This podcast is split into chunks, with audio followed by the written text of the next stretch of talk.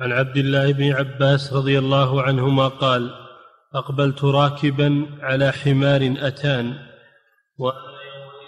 قد ناهزت الاحتلام ورسول الله صلى الله عليه وسلم يصلي بالناس بمنى إلى غير جدار فمررت بين يدي بعض الصف فنزلت فأرسلت الأتان ترتع ودخلت في الصف فلم ينكر ذلك علي أحد. نعم.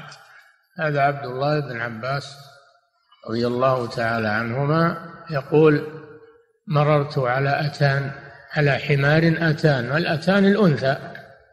الأتان الأنثى. ولفظ الحمار يطلق على الذكر وعلى الأنثى.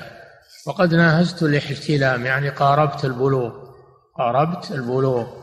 فمر بين يدي طرف الصف ثم إنه أرسل الأتان ترعى ثم دخل في الصلاة مع المصلين ولم ينكر عليه أحد. ما أنكر عليه الرسول صلى الله عليه وسلم ولا أنكر عليه أحد من الصحابة. فهذا دليل على أن سترة الإمام سترة للمأموم. وقوله ولم يكن أمامه جدار لأن منى ما فيها ذاك الوقت ما فيها مباني. ولا يمنع هذا أن يكون أمامه عنزة أو أمامه سترة لأن هذه عادة صلى الله عليه وسلم. أنه كان إذا أراد أن يصلي فإنه تركز أمامه العنزة وهي العصا القصيرة لكنه ليس في منى جدار في ذاك الوقت.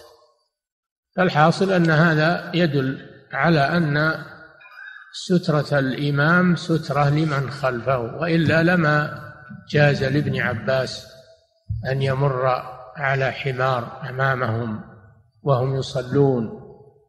نعم.